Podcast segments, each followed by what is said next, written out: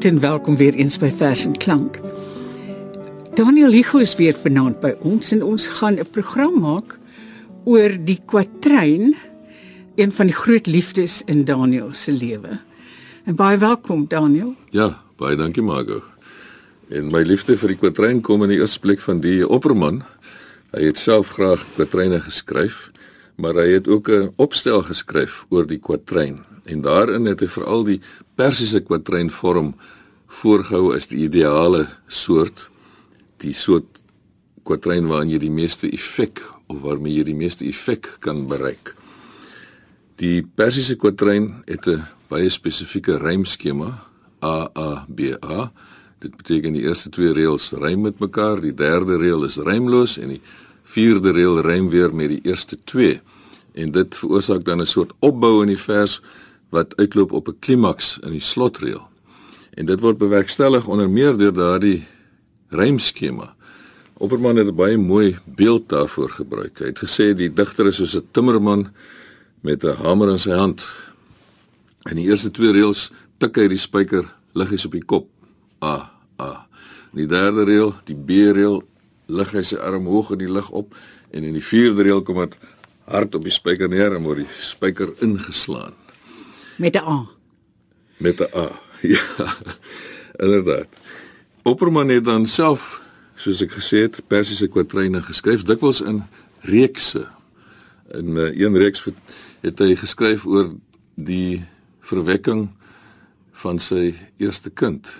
Dit hy beskryf dan haar die verwekking van die kind, die kind se bestaan in die baarmoeder en uiteindelike geboorte, maar ook die reaksie van die ouers terwyl die moeder verwagtend is. So dit vertel 'n verhaal.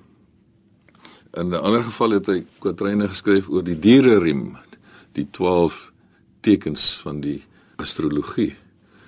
En uh ja, op dié manier bewerkstellig hy eenhede, maar die kwatrynvorm, die persiese kwatrynvorm is van so 'n aard dat dit elkeen 'n selfstandige afgeslote eenheid vorm. Daardie AABA remskema veroorsaak 'n baie duidelike afsluiting. 'n Isolering van elke kwatrein binne die reeks. En daai kwatrein kan ehm um, onafhanklik staan. Ja, nee, hy kan onafhanklik staan of hy dra by tot die reeks of hy doen albei gelyktydig natuurlik. Nou Opperman nie net groot bewondering gehad vir die persiese kwatrein nie, maar ook vir die man wat eintlik die persiese kwatrein beoefen het en deur wie dit bekend geraak het in die weste, naamlik Omar Khayyam. Nou Omar Khayyam het daar in die 1100s in Persië geleef lank voor Opperman se geboorte. En Khayyam was glad nie bekend in die weste nie as 'n digter nie, want hy was ook 'n filosoof en 'n wiskundige en 'n sterrekundige en 'n wyndrinker. Maar daarmee daarby sal ons nog kom. Hy is eintlik bekend gemaak in die weste deur sy Engelse vertaler, naamlik Edward Fitzgerald. In 1859 het Fitzgerald se vertaling verskyn en dit word algemeen aanvaar dat Fitzgerald se vertalings of eintlik herskrywings of verwerkings van die oorspronklike is veel beter, veel treffender as die oorspronklike kwatryne van Omar Khayyam. Sodat Fitzgerald se Engelse teks word eintlik as die klassieke teks beskou wat dan in talle ander tale reeds vertaal is, onder meer ook in Afrikaans. Deur die uwe. Deur my, maar ook deur ses ander vertalers voor my. En heel eerste een was C. Langehoven in 1923. En eintlik dink ek is Langehoven se vertaling nog een van die bestes.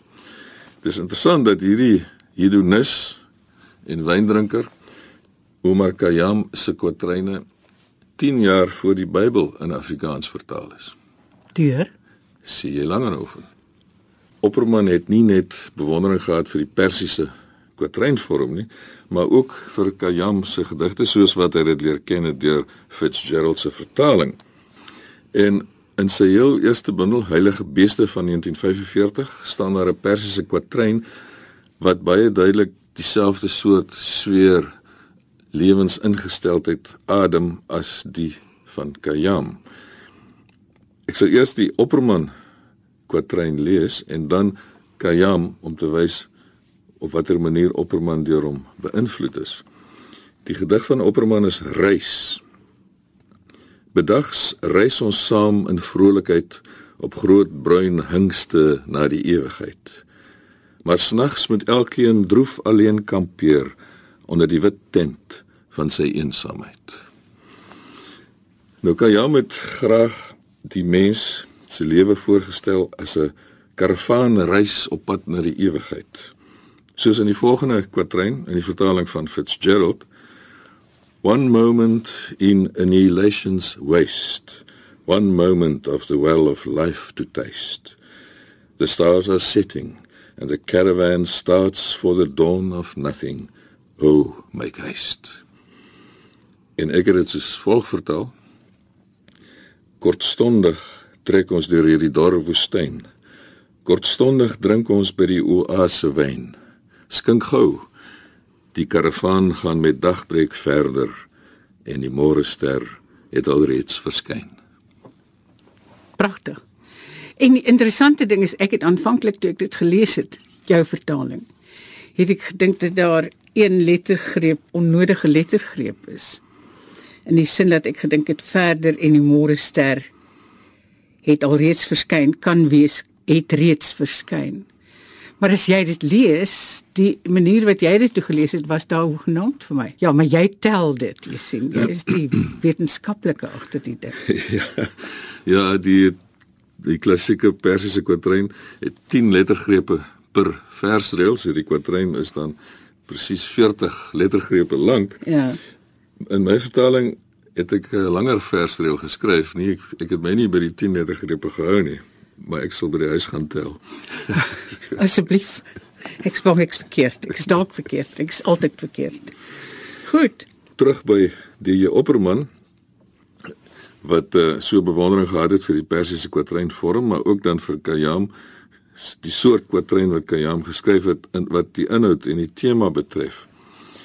In sy tweede bundel Opperman se tweede bundel 9 ster oor Ninive van 1947 staan daar 'n reeks kwatryne, Almanak, en dit is daardie reeks waarin die verwekking, baarmoeder bestaan en geboorte van die kind beskryf word.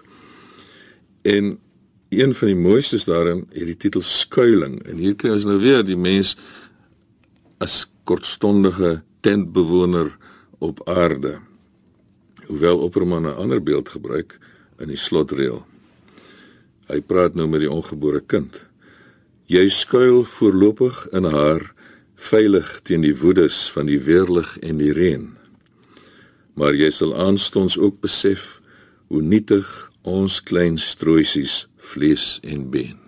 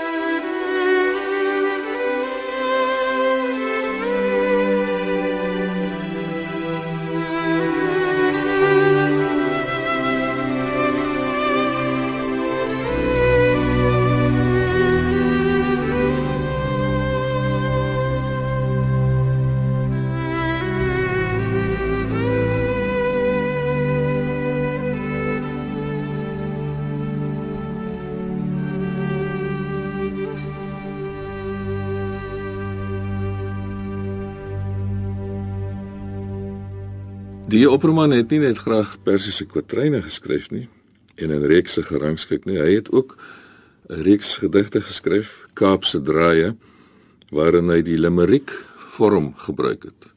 Die limeriek sluit baie nou aan by die persiese kwatryn. Die rymskema van die limeriek is AA BBA. Met ander woorde, daardie derde rymlose reël van die persiese kwatryn kry nou 'n rymmaat Dit word dan die vierde reël en dan kom daar die vyfde reël wat weer rym op die eerste twee En in die volgende limerick van Opperman het ons weer hierdie soort kayam klank. Die titel daarvan is Vasstrap. By vanaand se gitaar en pensklavier swaai Faljapie en jou bokkie met plesier. Want môre as die wit ster blink en die eyster wyd oor die werf weer klink, sal ons wakker skrik ver ver van hier. Ons luister vanaand weer na Daniel Hugo wat vir ons ingeligte siening of kennis bring van die kwatrein. En ons trek nou by die limerick. Ja, die limerick wat dan eintlik 'n soort uitgebreide Persiese kwatrein is.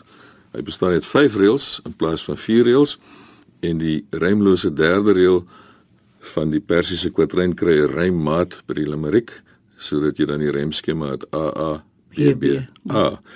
Nou ek het 'n uh, 'n bietjie gespot met daardie idee dat die limerick eintlik net 'n uitgebreide Persiese kwatrein is en dat Omar Khayyam hom daaroor ontstel want op daai manier word die kolle gesteel by die Persiese kwatrein. En in my bundel die boek Daniel van 1986 het ek die volgende speelse gediggie gemaak. Ek noem dit Limetriek. As jy slu die limerick verklein met een reël, wek jy nog die skyn, sê Omar Khayyam, gestel op sy naam van 'n egte Persiese kwatrein. Wat wonderlik. Oi, oi. Ek wens albei van hulle kon dit lees. Kayam en Fitzgerald. Ja, ek het gesê dat die Opperman is eintlik die digter wat die kwatrein vorm gewild gemaak het in die Afrikaanse digkuns en dan heel spesifiek ook die Persiese kwatrein vorm. Hy het dit gedoen deur self Persiese kwatreine te skryf van af sy debuutbundel Heilige Beeste van 1947 en deur daardie opstel wat hy geskryf het waarin hy die Persiese kwatrein-vorm aanprys. Voor Opperman die kwatrein begin beoefen het, het daar 'n hele bundel kwatreine verskyn van ID Du Plessis in 1941. En daar maak hy nie gebruik van die Persiese kwatrein-vorm nie, maar meestal van die kruisrymskema ABA. En een van die mees geslaagdes en een van die heel mooiste kwatreine in Afrikaans is die volgende een van ID Du Plessis duwe. Bali se singende duwe omsingel die maan in hul vlug en hang 'n tros donkerblou druiwe aan die hoë priel van die lug. Dis baie mooi, ja. Dit is 'n lieflike kwatrein, selfs al het hy nie die persiese ja. rymskema nie. Ek het uh, onlangs in 'n ou tydskrif vir letterkunde die oorspronklike publikasie gesien, die oorspronklike weergawe van hierdie gedig van ID Du Plessis en daar het toe gestaan Bali se singende duwe omsirkel die maan in hul vlug. Nou omsirkel is waarskynlik semanties 'n beter keuse is is eintlik wat die is eintlik die korrekte woord. Maar dit is te verander na omsingel en dit is 'n wins omdat jy dan 'n herhaling kry. Singende duwe omsingel die maan. Ja. Ja. So in die poesie is die klank dikwels belangriker as die korrekte betekenis. Ja. Nou, Edith Du Plessis het dus nie van die persiese kwatreinvorm gebruik gemaak nie en met die gepaardgaande voordele wat dit inhou, naamlik dat jy in die kwatrein selfs eh, 'n soort spanning opbou wat uitloop op 'n klimaks, op 'n hoogtepunt in die slotreël. En daardie klimaks word dan dikwels ook uh bewerkstellig deur die enjambement in die derde reël. Met ander woorde die derde versreël loop sintakties oor na die vierde. Dit die, dit versnel as dit ware na die slot. En uh Fitzgerald, die vertaler van Omar Khayyam, het 'n ander beeld gebruik vir daardie versbeweging uitgesê dat die persiese kwatrein is soos 'n golf wat opbou in die eerste 3 reëls en dan breek sy hoogtepunt bereik in die derde reël en dan breek in die vierde reël. Hmm. Nou Edith Du Plessis het toe later tog die persiese kwatrein vorm ontdek. En want in 1959 publiseer hy in Engels From a Persian Garden New Quatrains of Umar Khayyam 70 stanzas not translated by Fitzgerald.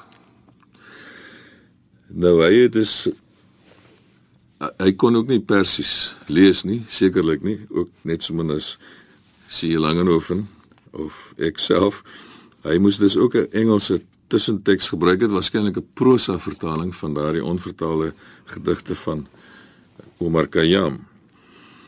En sy uh, taalgebruik kom baie na aan Khayyam se, dis 'n soort Victoriaanse Engels wat hy gebruik, maar is nie naaste by so treffend nie. Ek gee een voorbeeld van Idie Du Plessis se vertaling van Khayyam in Engels. The south spares neither green nor golden corn. Our friends in youth and age are from us torn. Come, raise the goblet now, for yesterday has passed. Tomorrow never may be born. Nog 'n Afrikaanse digter wat die Persiese kwatreinvorm gebruik het, waarskynlik in navolging van die Opperman is Ina Rousseau. Ja. In haar debuutbundel Die verlate tuin van 1954 staan daar 'n hele reeks Persiese kwatreine en die volgende een het ook Kayam Echos. Lei my genadig lief uit die woestyn. Bring my weer by die palmbome en fontein en laaf my dors, my honger. Bied skadu teen 'n son wat moordend skyn. Goed. Ja, ek self het ook 'n paar Persiese kwatreine geskryf, my hand daarin gewaag. Soos in uh, my debuutbundel Die klein aanbeeld staan die volgende: Meetkunde. Lewenslank konstrueer ons aan die sirkel van ons bestaan met middelpunt geboorte en omtrek doodver daarvandaan. Nou uh, Omar Khayyam het ek reeds gesê was 'n sterrekundige en 'n wiskundige. Hy sou waarskynlik gegryns-lag het oor my pogingkie om diepsinnig te wees en om dan meetkundige beelde daarvoor te gebruik. Dit kon sy antwoord gewees het en dit is 'n vertaling, my vertaling van een van sy kwatryne. Khayyam sê: Ek ken reeds die afmetings van die sein. Met passer en pen het ek dit verfyn maar van alles wat die mens wil pyl, verdiep ek my in slegs een ding, die wyn.